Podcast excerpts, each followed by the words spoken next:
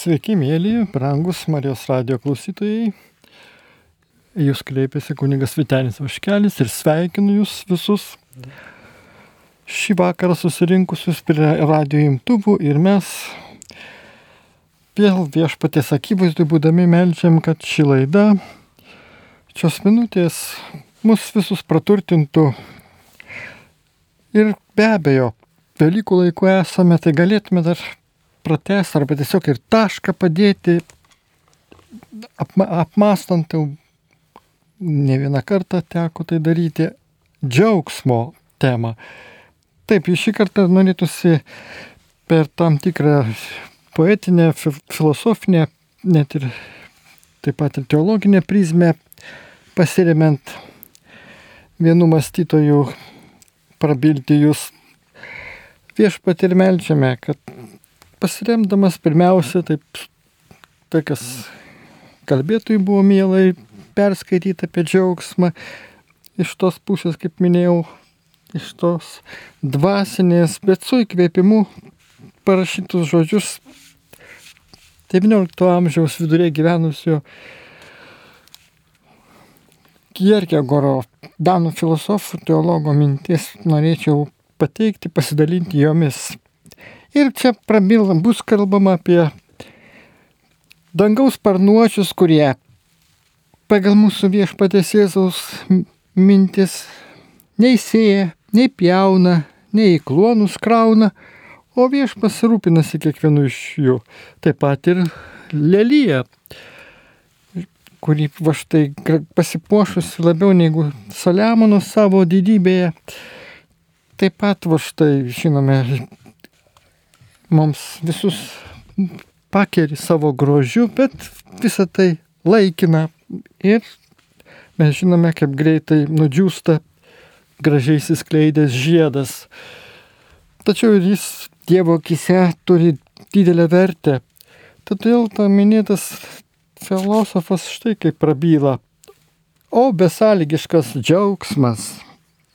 Jo yra valdžia ir galybė ir garbė per amžius.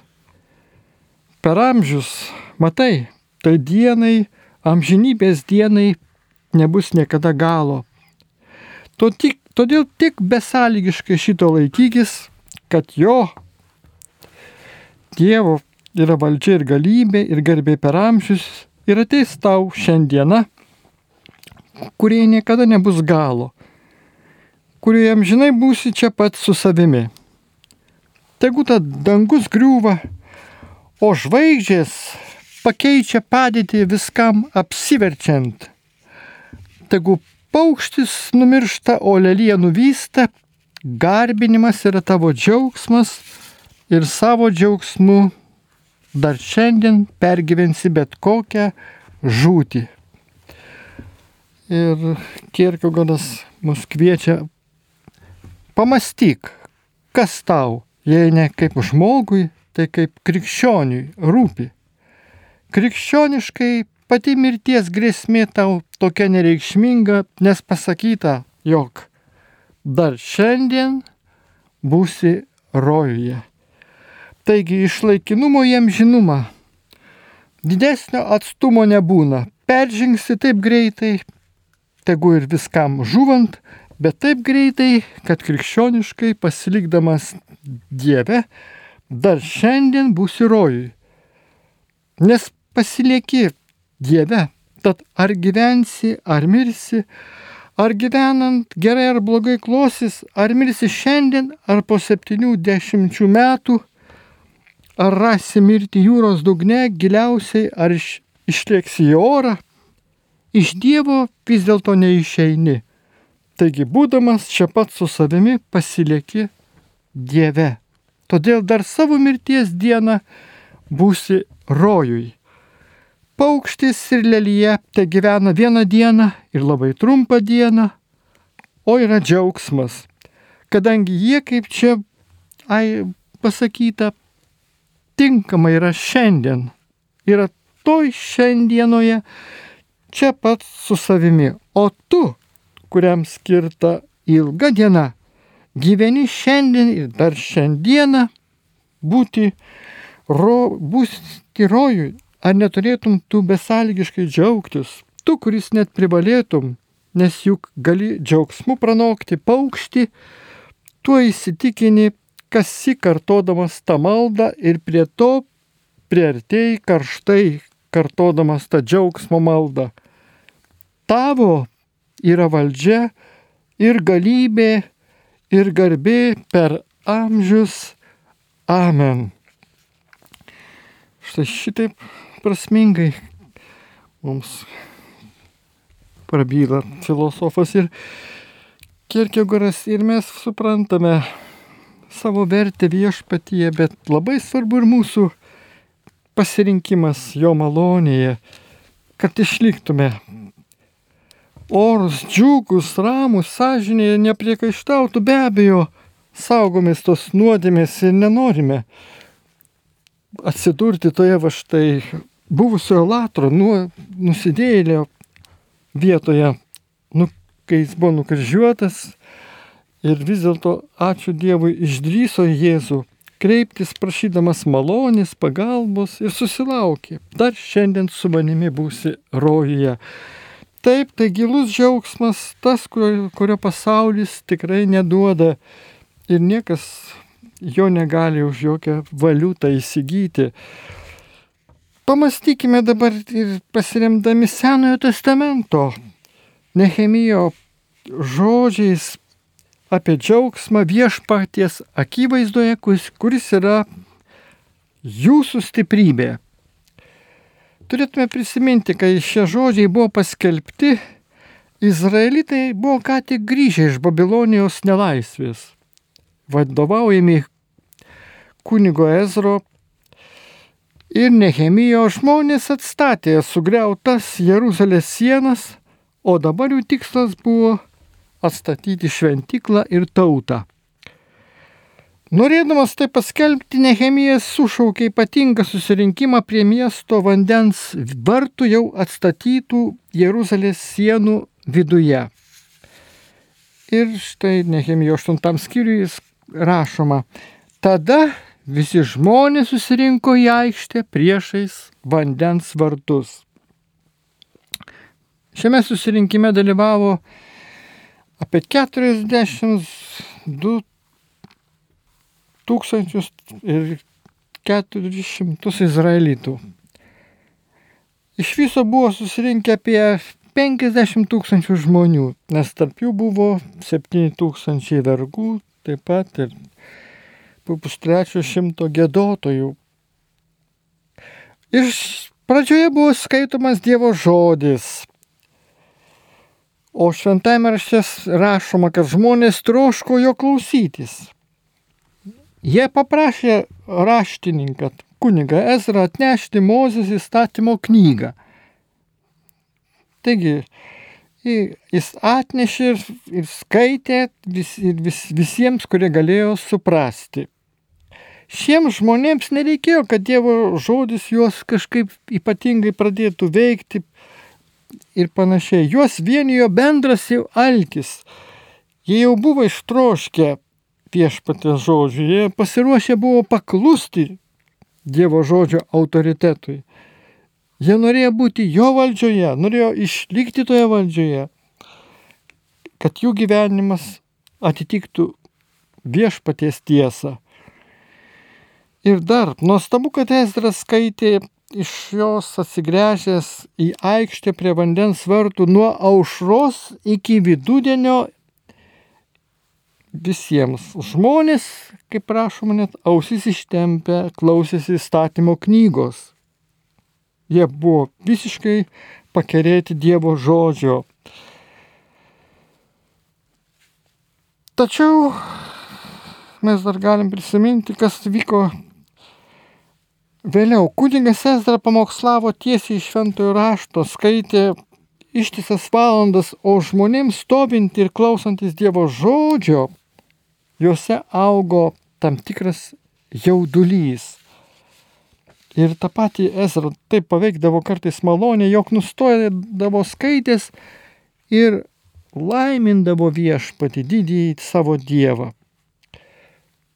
Gal tada galingai nužengė viešpatie šlovė Ir visi pakėlė rankas, šlovindami aukščiausiai.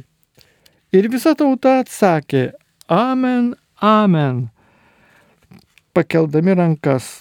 Kai buvo skaitomos tam tikros ištraukos, jie pagarbino ir nusilenkė viešpačiui veidų į žemę. Žmonės nusižemino prieš Dievą susigaudinę ir atgailaudami. Paskui po kurio laiko atsistojo, kad dar daugiau patirtų malonių. Taigi atkreipkim dėmesį, šiame susirinkime nebuvo jokių įspūdingų istorijų, kurios žadintų klausytojų emocijas, Nebuvo net ir kažkokių nors kitokių interpretacijų, ypatingų pavyzdžių, dramatiškų liūdėjimų, net muzikos nebuvo. Tačiau Dievui šalkusiems izraelitams neužteko net pusės dienos Dievo žodžio skelbimo. Jie norėjo dar daugiau klausytis Dievo žodžių. Jie buvo pagauti viešpaties malonės. Todėl susibūrė į grupės, kuriuose be Ezros buvo 17 vyresniųjų, kurie likusią dienos dalį vedė, vadovavo Biblijos studijoms. Ir jie štai aiškino žmonėms įstatymą, jie skaitė iš knygos ir iš Dievo įstatymo suprantamai ir prisijungė prie aiškinimo ir žmonės suprato, kas skaitė. Supratę Dievo įstatymą, šie žmonės ėmė silvartauti dėl savo kalčių. Ir sakom, kad net visa tauta verkė klausydamasi įstatymo žodžių. Taigi galim tik įsivaizduoti, kad 50 tūkstančių žmonių ir parkrytusių gulinčių kniupšiai ant žemės ir štai jie atgailauja dėl savo kalčių.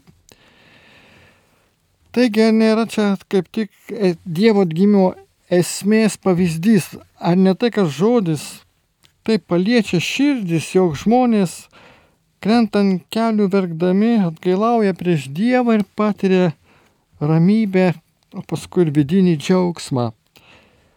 Antai Davidas Wilkersonas, žymus JAV misionierius ir pamokslininkas, prieš keliolika metų iš, iš, išėjęs pas viešpatį, į tėvo namus liudijo. Kai buvau vaikas, mūsų šeima dalyvavo palapinių susirinkimuose.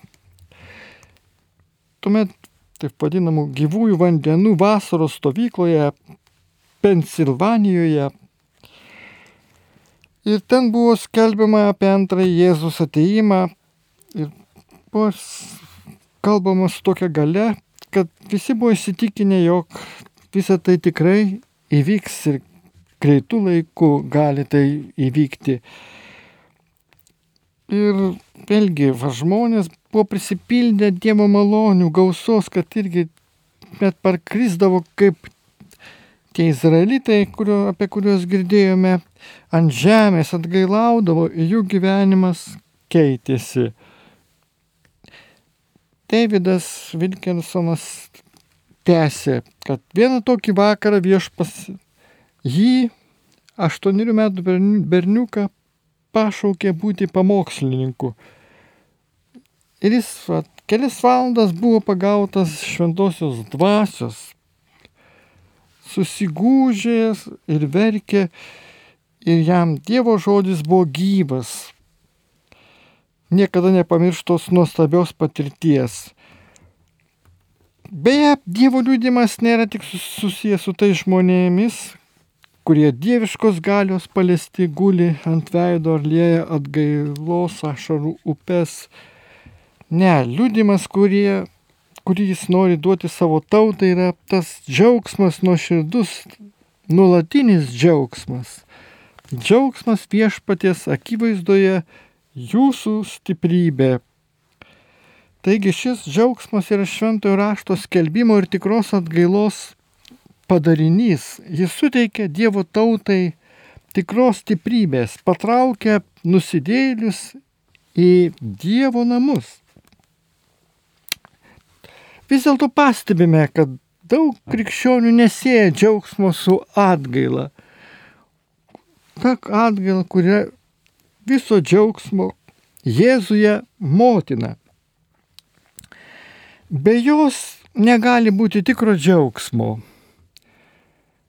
Tiesiog negalime patirti dangiško džiaugsmo, kol tas tyrasis žodis neapkaltina mūsų dėl kalčių, dėl nuodėmių, dėl buvusių kokių prietarų, dėl visokių net ir su magija susijusių dalykų, kurių visiškai atsižadam ir niekada prie tų dalykų nebegrįžtame.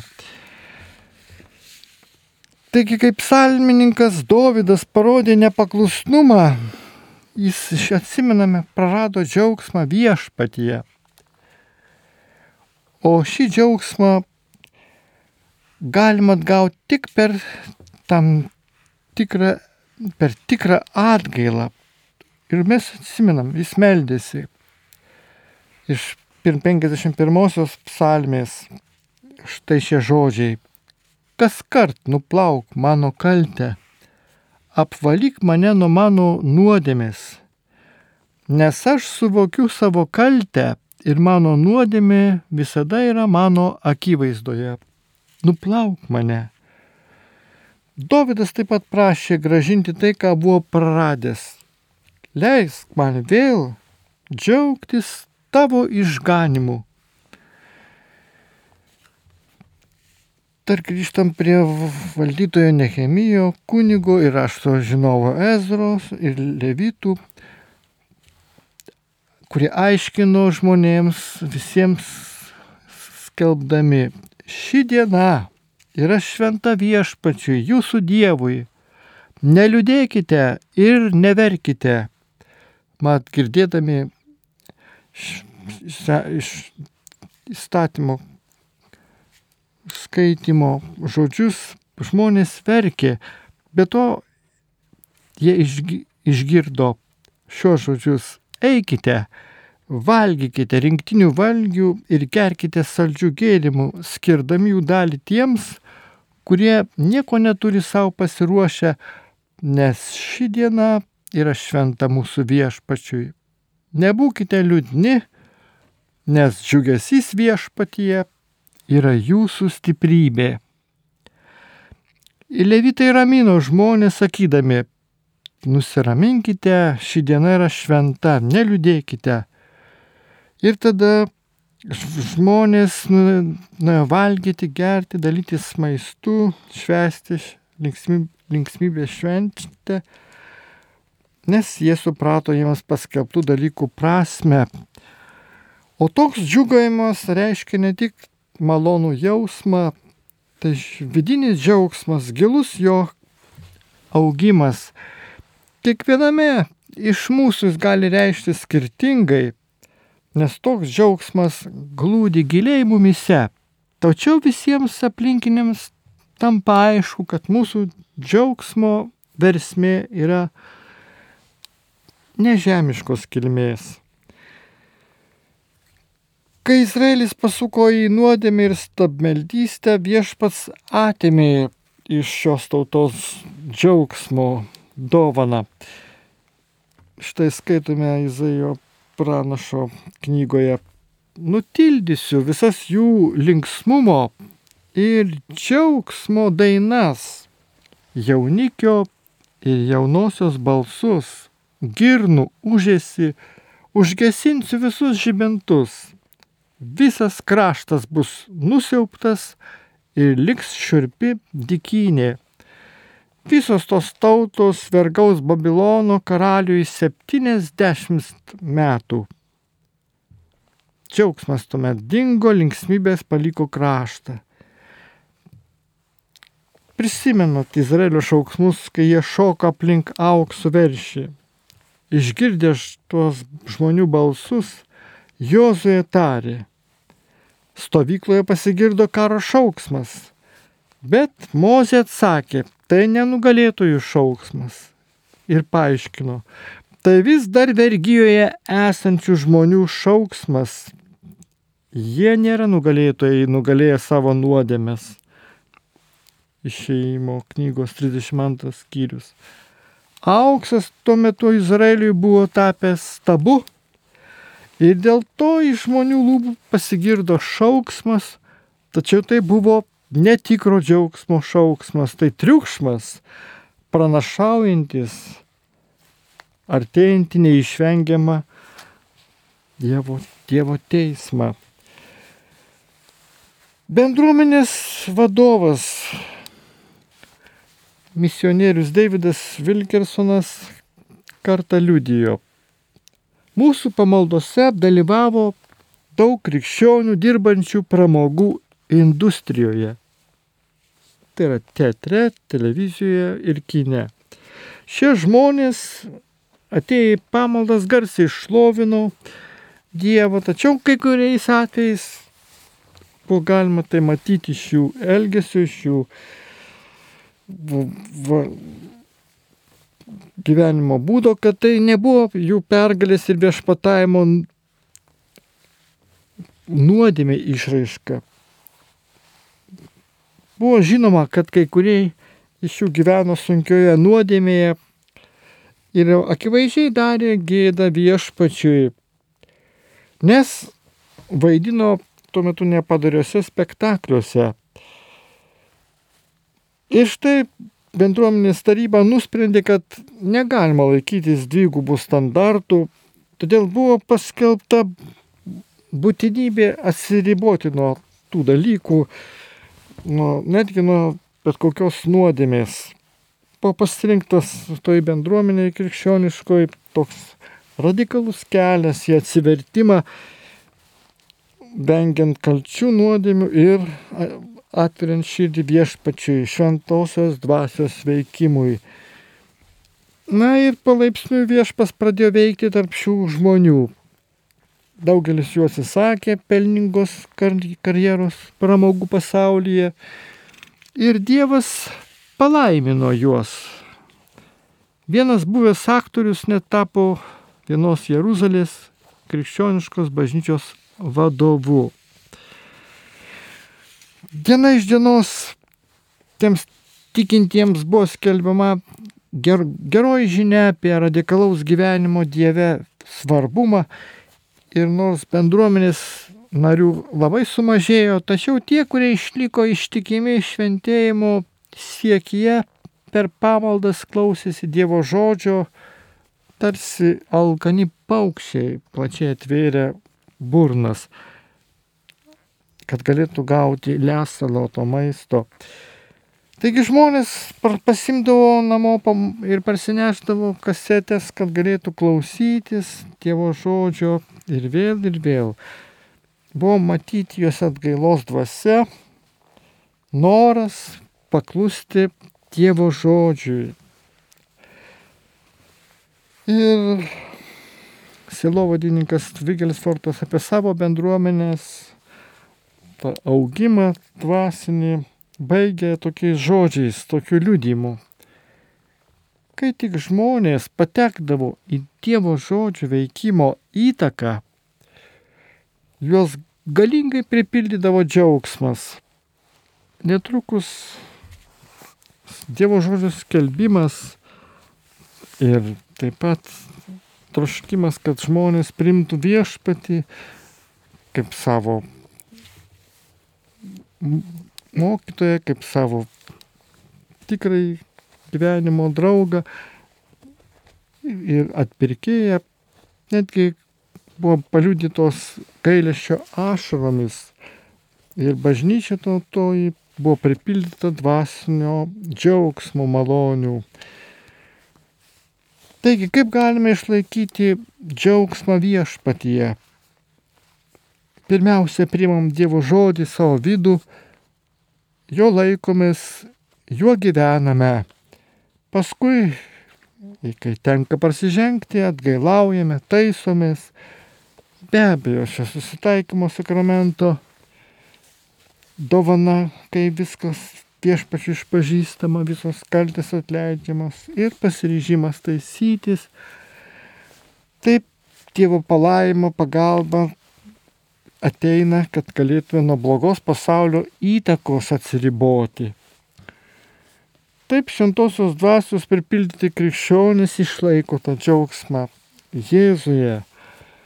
Be abejo, mes katalikai per sakramentus, per šventų mišių aukojimo, aukojime dalyvavimą patiriam tą, tos pagodos, ramybės su Jėzumi artimai vienydamėsi.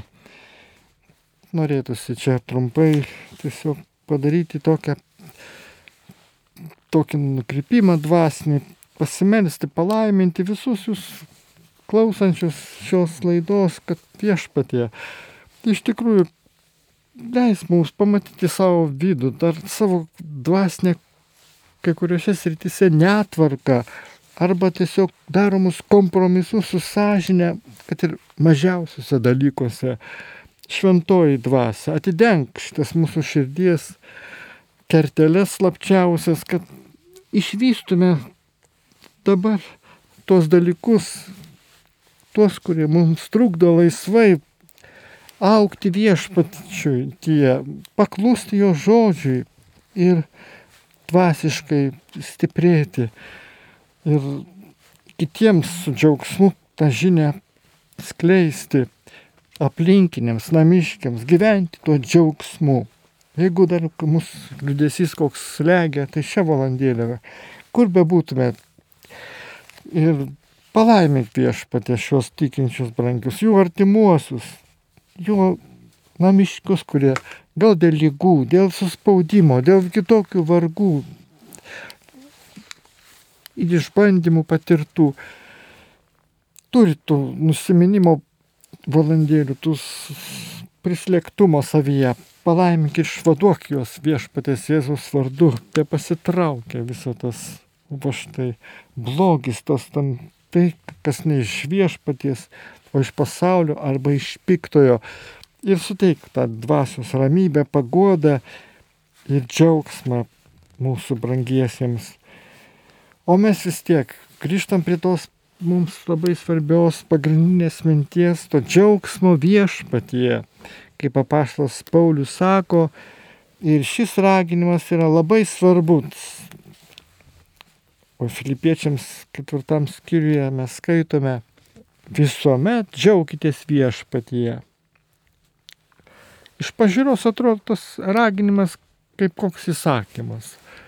Taip, tai paliepimas, Bet neturi tai mūsų stebinti, nes iš tiesų galima tiesiog paliepti žmogui ieškoti to džiaugsmo viešpatyje, kad atrastume jį, atrastume pagaliau ir mums skirtą malonę, atrastume santyki su viešpačiu džiaugsme, nes neliūdėsie, nenusiminime mes va štai su viešpačiu artimiausių būdų bendraujame. Nes čia gali būti ir mūsų puikybės šaknis, būti paslėpta ta blogio bacila, trukdanti mums su tavim viešpatė tiesiogiai būdu jungtis. Mes priešingai norime va štai atnešti tai, kas mumise dar sužeista, kas, kas trukdo paklusti va štai šiam palėpimui. Viešpatie visuomet džiaukitės. Tikrai yra džiaugsmų, kuriuos veikia išorės įtaka, palankios aplinkybės, kurios net nepriklauso nuo mūsų valios. Bet yra toks džiaugsmas, kuris reiškiasi kaip mūsų vidinio nusistatymo išdava. Vat apie tokį džiaugsmą čia paštas ir kalba. Džiaugsmas, apie kurį šventasis Paulius sako, kalba yra tasai, kurį mes gauname veikiant šventai dvasiai ir kuris mums pelnė, yra nupelnytas Jėzaus ant kryžiaus pasiaukojimu. Tai štai šis džiaugsmas, kurį Jėzus mums duoda, ne, nepaliaujamų būdų.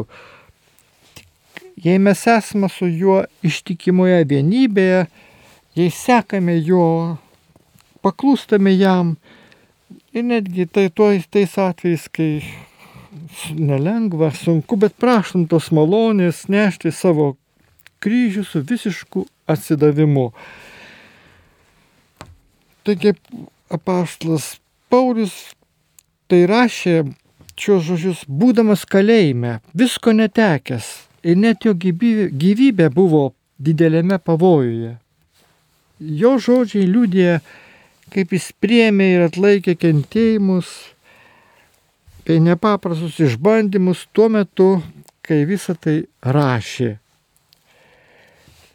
Šiais žodžiais jis patvirtina, kad visos bėdos, persekiojimai ir net pati mirtis, jei viską priemame vienybėje su Jėzumi, negali nuslopinti mūsų ramybės ir džiaugsmo, kurį mes gauname iš viešpaties.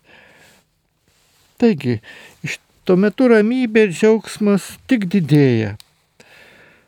Todėl vat, ir mums tampa aišku, kad mes turime pagal tos žodžius gyventi. Turime va štai laikytis dar uoliau, dar nusekliau, dar nuoširdžiau su malda Evangelijos visų ir patarimų, ir nurodymų, ir įsakymų. O tai yra sąlygos džiaugsmų mumise aukti, priimti tą va štai liepiamąją nuosaką visuomet džiaukitės viešpatyje.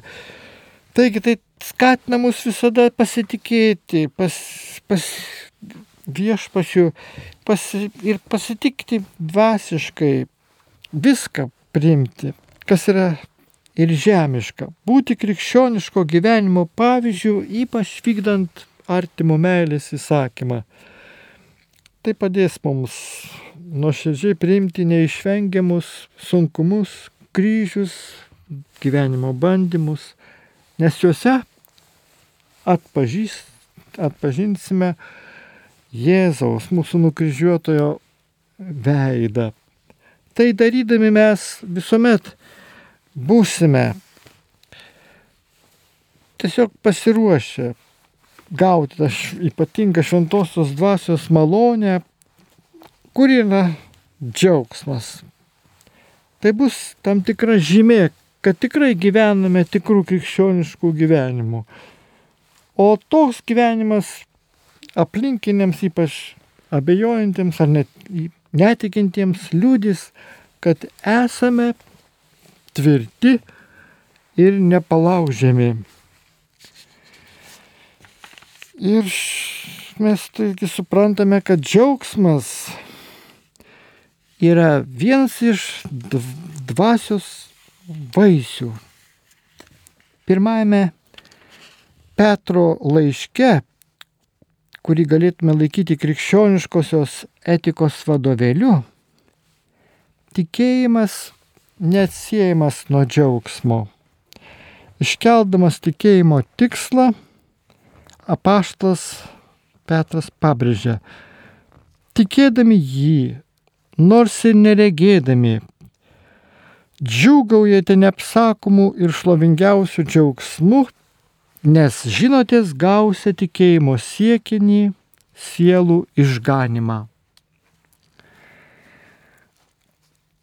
Apreiškimo Jonui visas XIX skyrius vien yra tam tikras džiūgavimas Dieve. Apreiškime atskleistas krikščioniško džiaugsmo pamatas. Ant 22 skyriuje apriškimo knygos skaitome, nakties nebebus, jiems nereikės nei žiburio, nei saulės šviesos, nes viešpas Dievas jiems švies ir jis viešpataus per amžių amžius.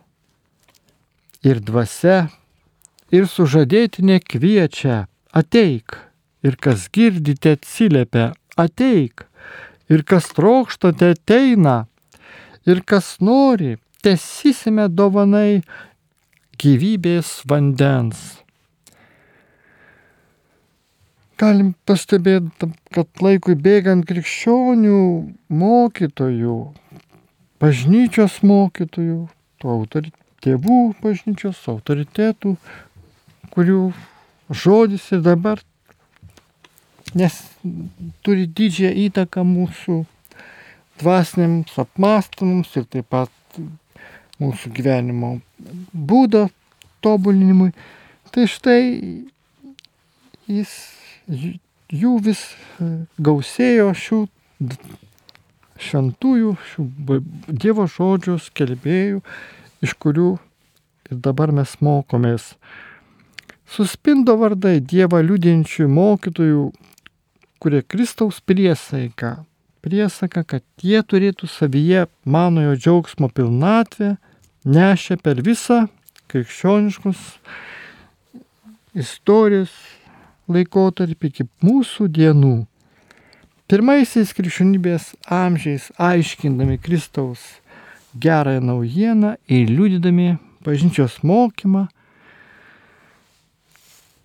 krikščionis vedė ir norinčius jais tapti katechumenus, mokė bažnyčios tėvai, kaip Klemensas Romietis, Signotas Antiochietis, Polikarpas Mirnietis, Klemensas Aleksandrietis ir kiti. O dabar dar galime dirstelti į šitą džiaugsmo štai apmąstymą iš pedagoginio taško. Kokią tai mums gali teikti ypač jaunai, jaunai kartai.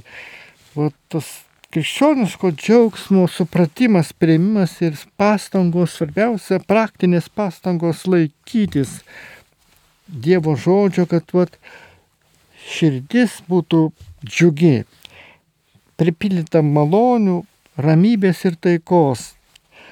Bet tai įmanoma. Ir mūsų dienomis išgirsti, va štai naudinga netgi pasiklausyti, prisiminti įžymų išekų mokslininką, pedagogą, visuomenės veikėją Komenskį, kuris net vadinamas pedagogikos tėvų, kuris yra suformulavęs tokį va štai tiesiog mokymą, apibendrinantį vis jo mokymą apie džiaugsmą. Jis rašė vienoje iš knygų džiaugtis malonumais plaukiančiais iš Dievo, iš kūrinių ir iš mūsų pačių. Džiaugsmą Dieve jis laikė aukščiausių šio gyvenimo džiaugsmo laipsnių, teikdamas, kad mokslas, dorumas ir dievotumas yra trys šaltiniai, iš kurių teka tobuliausiojo džiaugsmo upeliai.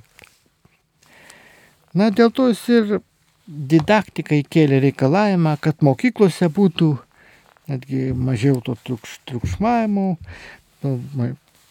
daugiau tikrai to laisvalaikio įprasminimo ir džiaugsmo, kad, moky, kad mokykloje būtų džiaugsmo netgi šventovės. Be abejo, tai buvo kitas laikmetis, dabar vėlgi aš tai nesulyginami dalykai, kai mažiau, kai yra tas toj tikrai sekularizacija, nukryščionėjimas, bet vis dėlto va štai tas tas tie pokyčiai, kurie buvo, tai yra iš tikrųjų ne tik kaip istorijos toks priminimas, kad va kas buvo anksčiau, bet tai yra ir pamokos.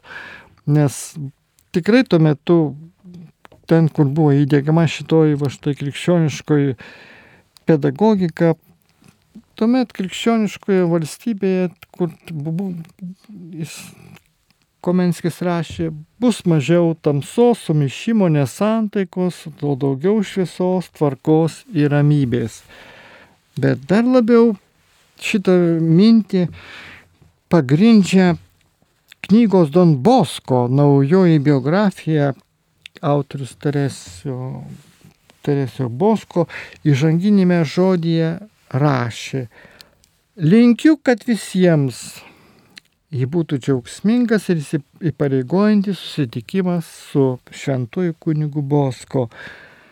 Būtent džiaugsmingas, nes džiaugsmu šventasis Jonas Bosko atrakindavo net uždariausias vaikų ir jaunuolių sielas ir patraukdavo juos džiugiai tarnauti Dievui ir artimui. Jis buvo įsteigęs taip vadinamąją linksmąją draugiją, nes suvokė, kokia svarbi tame sprogmenyje, vadin, kurią vadiname jaunystė, susikaupusio triukšmingo džiaugsmo energijos iškrova. Pats linksmindamasis su vaikais stengiasi šalinti visą, kas galėtų sudrumsti džiugę nuotaiką. Bendravimas su auklitiniais kuniga Bosko įtikino, kad ten, kur šviesus džiaugsmas, giedra nuotaika, nėra vietos nuodėmiai nusikaltimams. Tai žinome, šit jo pedagogika yra tikrai nesenstanti, nes čia tai yra Dievo meilės artimų įgyvendinimo planas, kurio laikėsi Bosko taip, su jaunuoliais draugė ištisas dienas būdamas, su jais melzdamasis, šaisdamas, taip, pas, įgyjo pasitikėjimą ir autoritetą be abejo, O tie jaunuoliai, kurie prasižengdavo, jis tikrai mokėjo juos per išpažinti vesti doros tiesos keliu. Jie tikrai gailaudavo, pasikeisdavo jų gyvenimo kelias. Ir tai yra mums įkvėpimas, kaip gali viešpas Dievas veikti per žmogaus šventumą, per jo paprastumą, per jo meilę Dievui ir artimui. Motina Teresė iš Kalkutos džiaugsmą vadino tinklus sieloms gaudyti. Taip iš tiesų, tai būna ir mūsų maldos, pas štai nukreiptos į tavo troškimą Dievui atvesti žmonės, tikint, kad viešpats dėl visų pasiaukojęs, dėl visų savo kraują praliejęs nori to, o štai mūsų, pirmiausia, mūsų tų Dievo atsidavusių, pasišventusiųjų žmonių tikinčiųjų, čia ne tik dvasininkai ar vienuolių, vienuolynų atstovai, bet ir kiti visi vaštai, ir katechetai, ir, ir jaunimo mokytojai. Tegul vaštai tikrai jos mumise visuose pasireiškia ta Dievo dvasia, Kviečiam šventojų dvasia, viešpatė, aplankyk mus pačius, mus pačius to džiaugsmu praturtink, užliek mūsų sielas savo meilę, savo va štai šviesa. Ir mes va štai, būdami patys pripildyti tavo malonės, nu ne, negalėsim jos neperteikti kitiems aplinkiniams. Padarysi iš mūsų tais va štai malonių žibintai, suteiksi mums tos dvasios jėgos, tos meilės, be kurios mes negalim gyventi. Mes tikrai va štai prašom, ateik šventoji dvasia, pripildyk mūsų širdis, uždek jas ir ypač va štai jaunimo sielas paliesk, kad va štai išsilaisvinę iš visi iš kalčių nuodėmių galėtume žengti tikėjimo, darybės keliu į tavo širdį. Taigi, te bus tiek, baigiame laidą. Prie mikrofono buvo kunigas Vitenis Vaškelis, sudėv.